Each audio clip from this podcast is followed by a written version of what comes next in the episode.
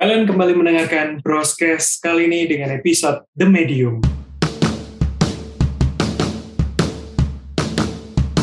Welcome back to Broscast Bram Reza ngobrol santai di Podcast Yeay Cie. Gimana? Saya memulai uh, episode kali ini dengan suara yang atau tone yang datar menggambarkan sedikit ketegangan kali ya. Ya nggak? Karena saya nggak sendirian, langsung aja saya kenalin karena di poster udah ada dan para pendengar juga bisa lihat. Kali ini bersama Mas Aska Goldin dan juga Halo. Mas Setiawan dari BB69. Hey hey hey Pak, ini khas tone rendahnya ini emang Mas Dewan. The Medium ini kan memang lagi rame banget ya. Kalau kita bilang selama dua minggu terakhir, sejak kemunculannya bahkan sampai sekarang, sampai Halloween kemarin menjadi salah satu film horor yang banyak diperbincangkan. Walaupun Thailand, biasanya kalau kita bicara soal Thailand, even itu cukup mengerikan, tapi tidak selama ini rasanya untuk dibahas ya, Mas Tiawan, Mas Aska. Nah, Yes. saya mau tanya dulu nih ke Mas Tiawan. Kalau bicara soal medium, ingatnya soal ukuran atau soal perantara? Karena kalau kita bilang medium kan ingatnya small, medium, large gitu kan. Kalau kita ke McD atau kita ke uh, makanan cepat saji nih. Oke oke Nah ini ini pertanyaannya yang cukup pintar dan cukup menjebak sih Nah jadi ini harus harus hati-hati ya, ya, ya. Mengingat saya ini adalah uh, pemakai large Jadi the medium itu saya nggak mikirin sama sekali tentang size Jadi kalau saya mendengar the medium saya pasti tidak akan kepikiran soal size. Iya. Saya kepikirannya itu mengenai medium antar uh, perantara seperti itu mas.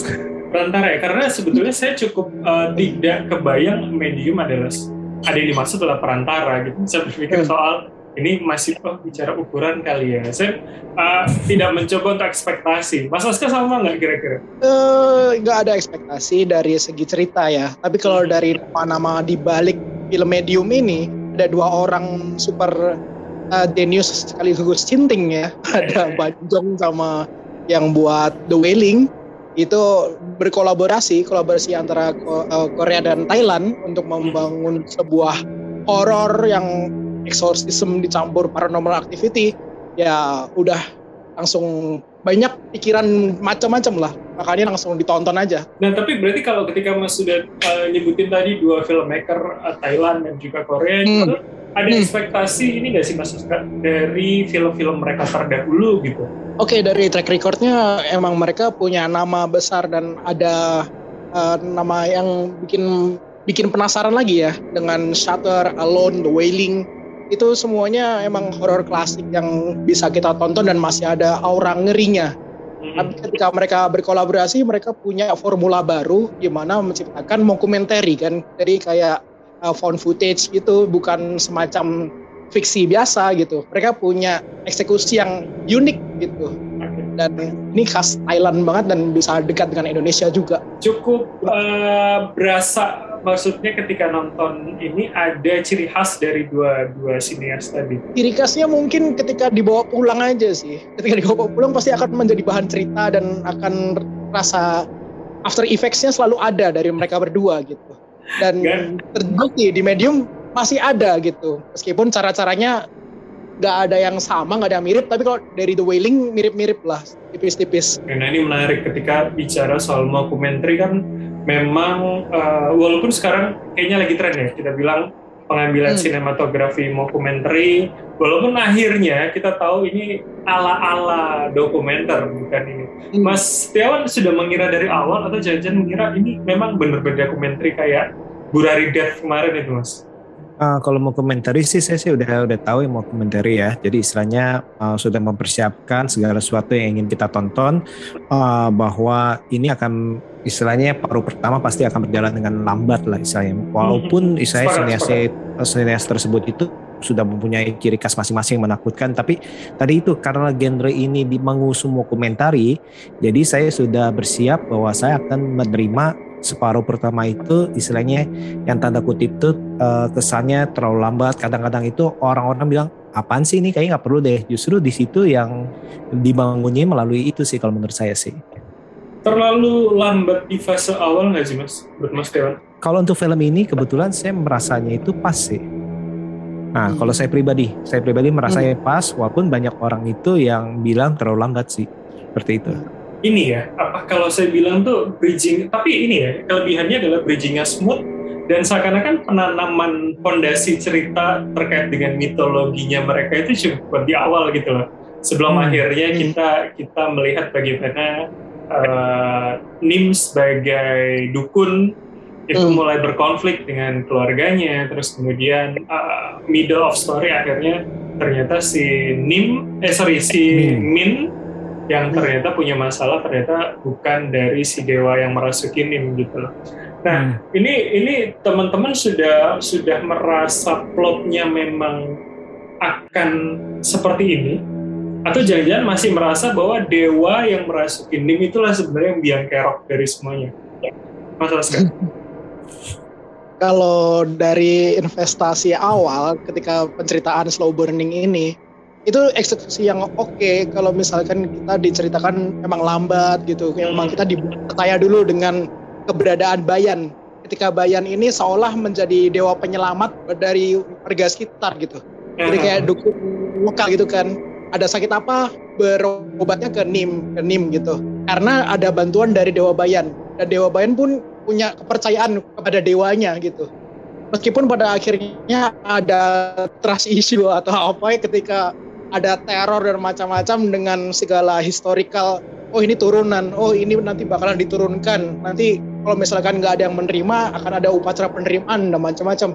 Itu kan dewa bayannya kayak seolah klise gitu. Jadi sebenarnya dia dewa atau iblis yang ada di dalamnya gitu. Itu yang Aduh. kalau misalkan diceritakan dari awal yang langsung kesurupan kita nggak akan percaya sih. Tapi ketika kita dibuat oh Dewa Bayan ini adalah Tuhannya nanti Dewa Bayan akan melawan iblis. Dan ternyata begitu bergulir roller coaster di belakang ada konflik-konflik macam-macam ya kita mulai nggak percaya Bayan ini yang iblis ya ternyata gitu atau dari kawan-kawan. Banyak konflik banyak sih yang akan membuat kita juga berdebat sih malam ini kan Dewa Bayan ini baik atau enggak kan Tapi kan sebetulnya kalau kita lihat eh, tengah ke belakang, ini bukan soal Bayan melawan ah, Dewa Bayan melawan iblis. Bahkan kita nggak tahu sebenarnya siapa yang menang gitu loh. Iya nggak sih? iya iya atau Gimana bahkan mas? mungkin mereka melawan Dewa Bayan itu sendiri gitu Nah, tapi kan bisa Evan kalau saya boleh potong, Ci. Ini kan eh, tadi itu kan bilang nah apa apakah si dalam arti dewa ini baik apa jahat? Eh, permasalahannya kan eh, kita lihat ini ternyata itu dibukakan pas waktu di me- menjelang ini spoiler nggak apa-apa ya? Eh nggak apa-apa dong. Saya taruh di apa-apa. poster kok. Kita kasih spoiler ya. Spoiler Oke, nah eh, soalnya kan ini kan ternyata dibukakan bahwa eh, segala sesuatu itu karena ada kesalahan daripada istilahnya eh, istilahnya Leluhur. keturunan daripada leluhur daripada ayahnya si Ming dan istilahnya ibunya si Ming di mana dia itu menolak dengan sengaja eh, istilahnya eh, anugerah untuk menjadi istilahnya eh, medium selanjutnya sebenarnya kan keturunan kan. Betul. Nah, it- it- eh, dari yang kita ketahui itu kan itu kan segala sesuatu yang melanggar otomatis ada hukuman atau konsekuensi segala perbuatan. Baik itu leluhur yang akan jatuh kepada istilahnya kar kita ngomong karma kali atau hukumannya itu ya entah itu sampai ke berapa keturunan sih. Kalau menurut saya sih fair fair aja sih dalam arti karena kesalahan leluhur ya itu kenapa kan kita kan kadang-kadang kan dibilang kan hati-hati jangan berbuat istilahnya jangan berbuat salah yang Hmm. membuat istilahnya uh, uh, kita bilang itu yang kita percaya itu marah. Karena mungkin aja kutukan itu bisa sampai istilahnya berapa keturunan. Nah ini ini kan kita kan bicara seperti itu sih. Jadi nah, itu sih kalau saya dapat sih. Menurut Hmm. Mas Dewan, Dewa Bayan itu punya andil untuk curse atau kutukan ke si Min itu ya? Hmm, kalau istilahnya kalau kita bilang punya andil istilahnya uh, karena kesalahan karena dengan catatan karena kesalahan nih karena kesalahan itu kan jadi istilahnya ada hukuman Penolakan Ya. si ibu kan ya? penolakan ibu dan uh, leluhur daripada ayahnya itu menggalin daripada istilahnya banyak orang kan yang Mhm. akhirnya itu uh, arwah-arwahnya itu marah dalam arti nah itu kan uh, itu ya istilahnya kutukan itu ya terjadi nah pertanyaannya adalah em, kalau kita ngomong kayak gini pertanyaannya adalah apakah roh-roh tersebut yang merasuki uh, si tubuh Siming itu disuruh oleh Dewa Bayan atau hanya istilahnya uh, kita bilang itu diizinkan berbeda antara disuruh sama diizinkan Iya, iya. seperti itu. Nah itu sih kalau kalau dari uh, pikiran saya sih seperti itu sih. Atau jangan-jangan Dewa Bayan memang tidak menampakkan atau memang tidak memperlihatkan kekuatannya sehingga uh, roh jahat dan berbagai roh binatang tumbuhan katanya bisa masuk ke dalam Ming. Uh, mungkin aja kayak kayak mungkin yang kita pernah kita bahas itu The Watcher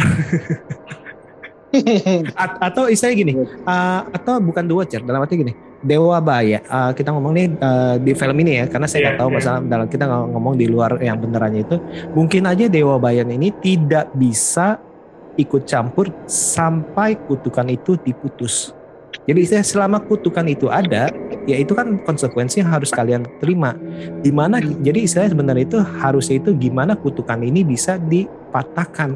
Sebenarnya sih nah, mungkin itu baru mungkin misalnya eh, roh-roh itu bisa dihancurkan atau sebenarnya itu ya memang udah kutukan ya ya ya terima nasib nggak bakal bisa hilang itu kutukan. Dan proses Kalau- tumbal itu ya kalau katanya dukun setempat itu kan. Hmm, jadi kemungkinan besar itu kalau kalau ini kemungkinan yang pendapat saya yang terakhir mungkin kali ya. Mungkinan itu ya kutukan itu sebenarnya bagi apa pun itu nggak nggak bisa di, dipatahkan. Karena bayangnya aja nih dari garis ayahnya udah terkutuk dari garis ibunya. Dikutuk juga ya. Ya kuadrat kutukan kuadrat itu. Ya gimana ya dalam arti?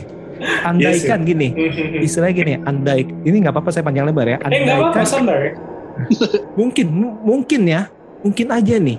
Sebenarnya itu sang dewa sudah tahu nih menjodohkan antara sang ayah dari garis kutukan Mhm. sang ibu yang dipilih untuk menjadi eh, medium yang sebenarnya Mhm. sebenarnya mau gitu tuh supaya Ya, ya, kutukannya itu hilang gitu ya Iya, tapi iya. ternyata si ibunya nggak mau ya udah jadi terkutuk jadi anaknya tambah Seharusnya Ya. bisa jadi pembersih dosa kali ya maksudnya. ya. Yes, yes, mungkin kali gitu.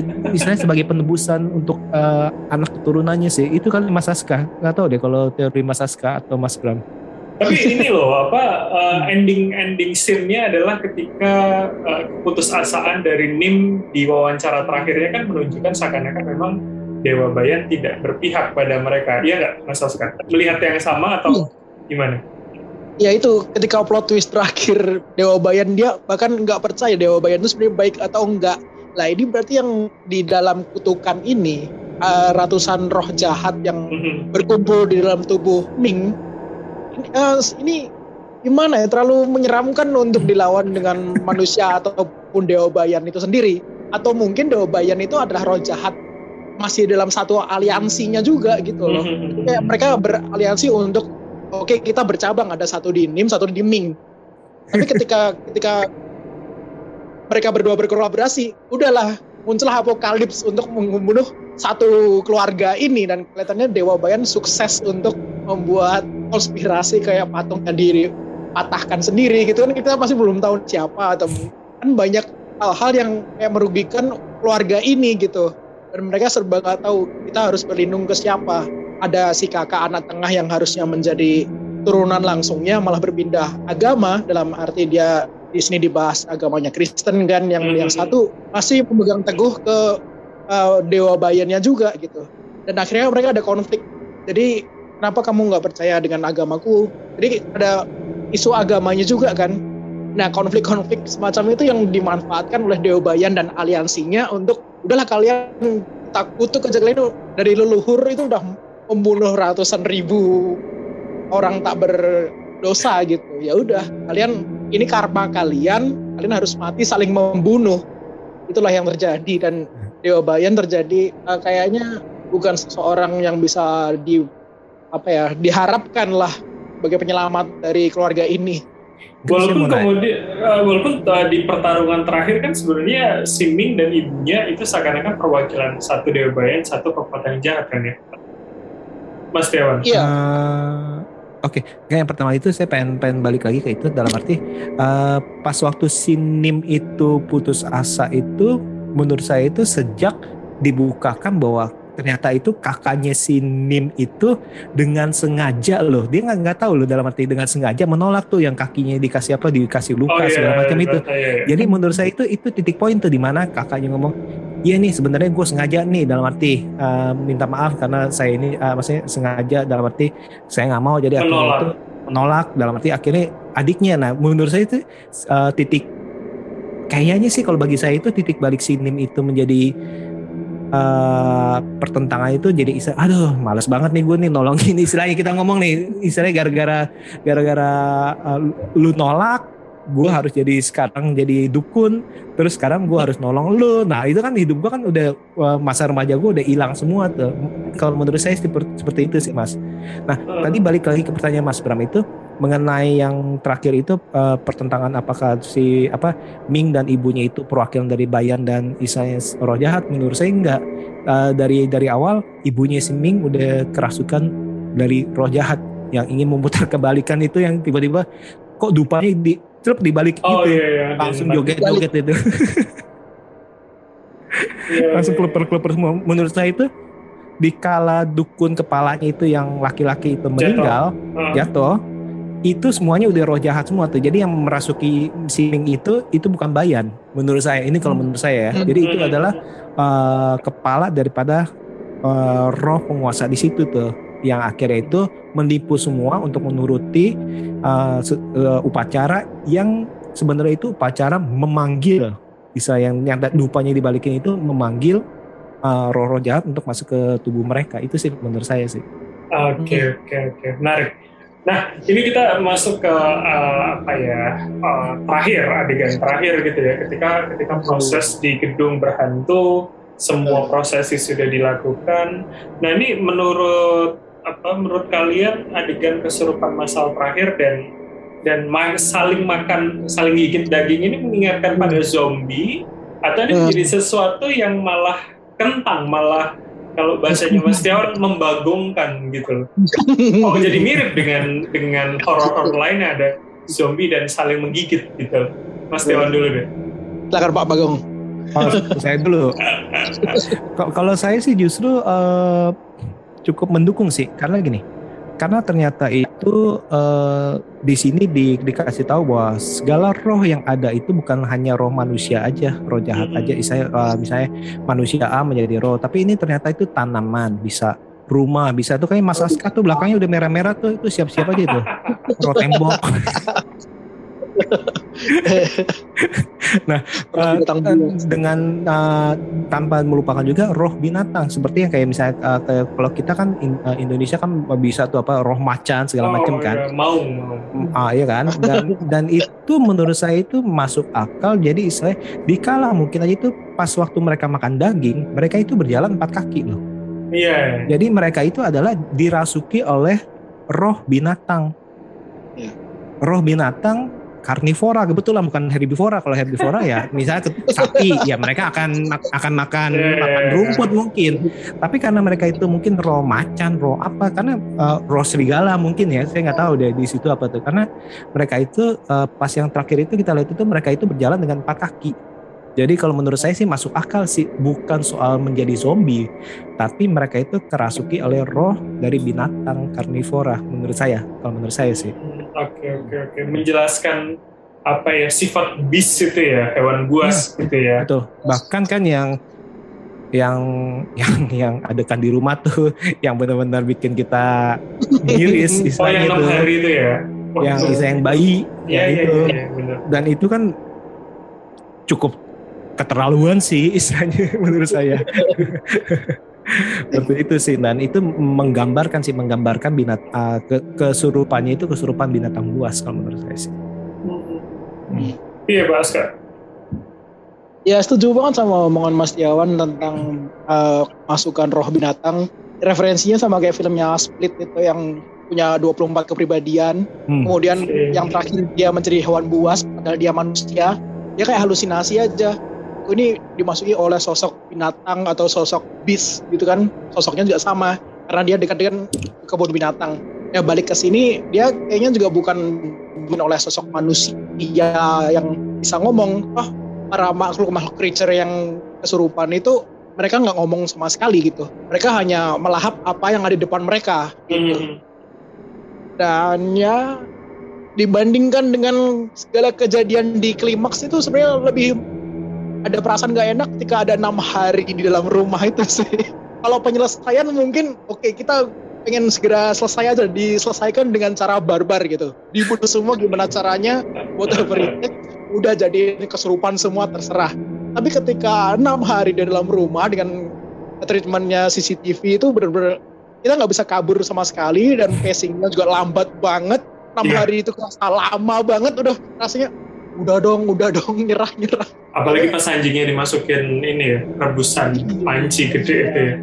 Terus yang bikin nggak nyaman adalah ketika Ming kencing di atas meja itu udah sumpah ya ampun ini bukan manusia banget ini. Iya, iya, iya. iya. Belum lagi mengendus mengendus mamanya ini lagi tidur ya di, iya di sofa. itu.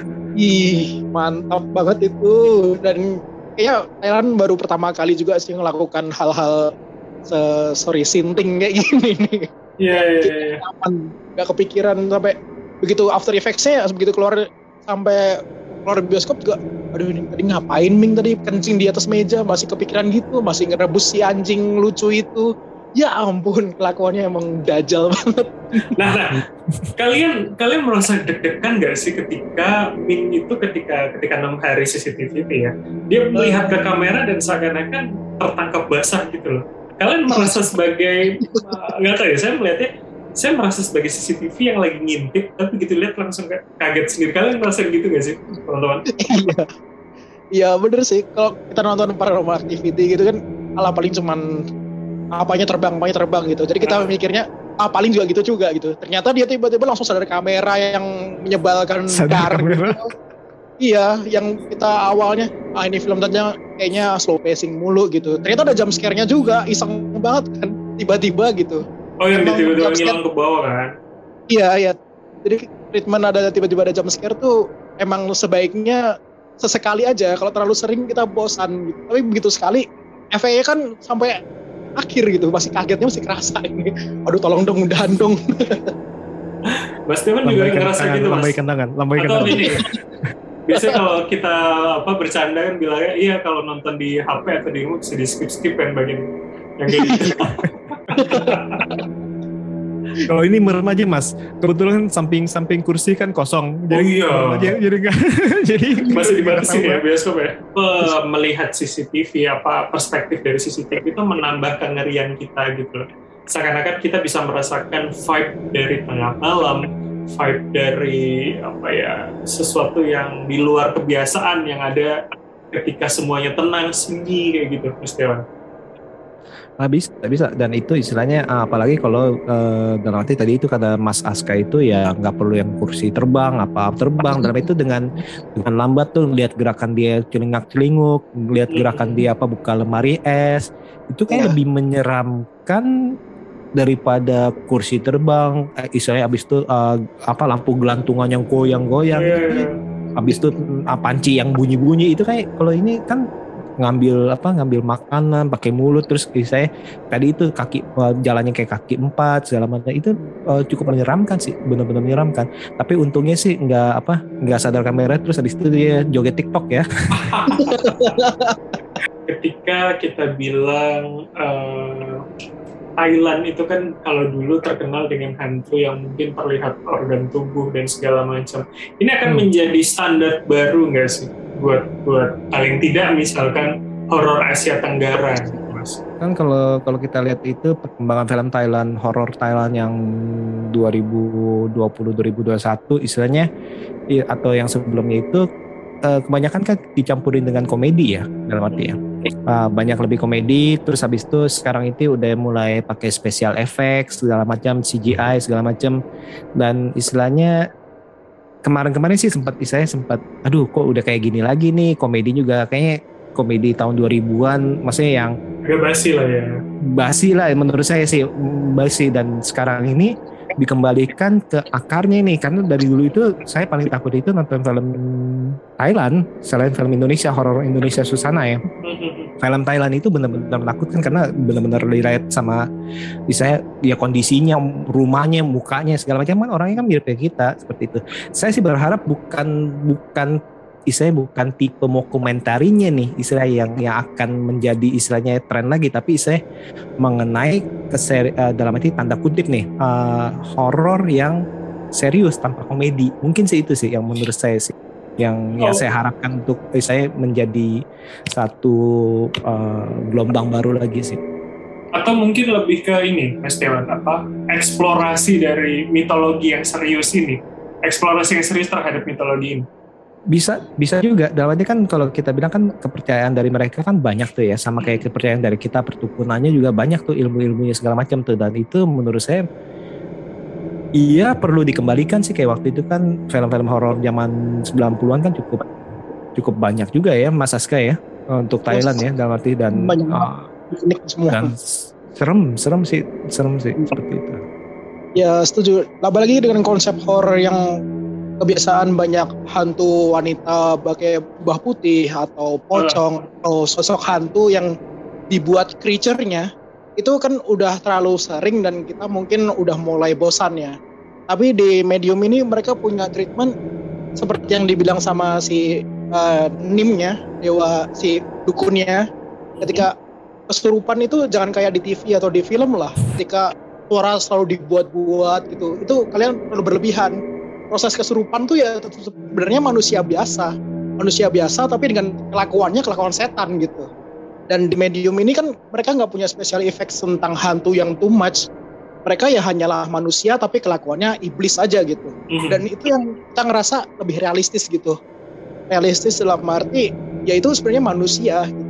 Cuman kelakuannya yang bikin kita resah, bikin kita Lebih- ketakutan sendiri gitu Lebih serem ya Mas ya. kita- iya daripada kita kemunculan pocong gitu kan mungkin hanya kaget ah apa itu lah gitu tapi ini Enggak sosoknya sih. adalah Enggak hanya apa itu sih menurut saya.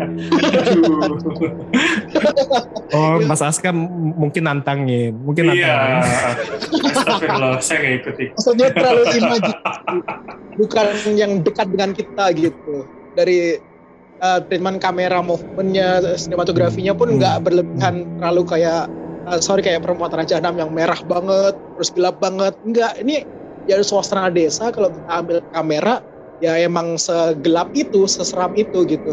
Dan kita lihat dunia sekitar mereka nggak ada hal-hal yang berlebihan dari segi setting atau macem-macem. Jadi kita ngerasa atmosferiknya lebih kerasa natural kerasa ngeri juga dengan eh, apa ya lingkungan yang perdukunannya kuat gitu. Kalau di Indonesia Hmm, mungkin sebut saja kayak Banyuwangi misalnya mungkin atmosferiknya kan kerasa sama itu ngeri-ngeri Jadi kita sebagai penonton tuh theater of man ini jalan kali ya, membayangkan kita misalkan ada di daerah pedalaman yang antar rumah jauh, masih banyak kebun-kebun.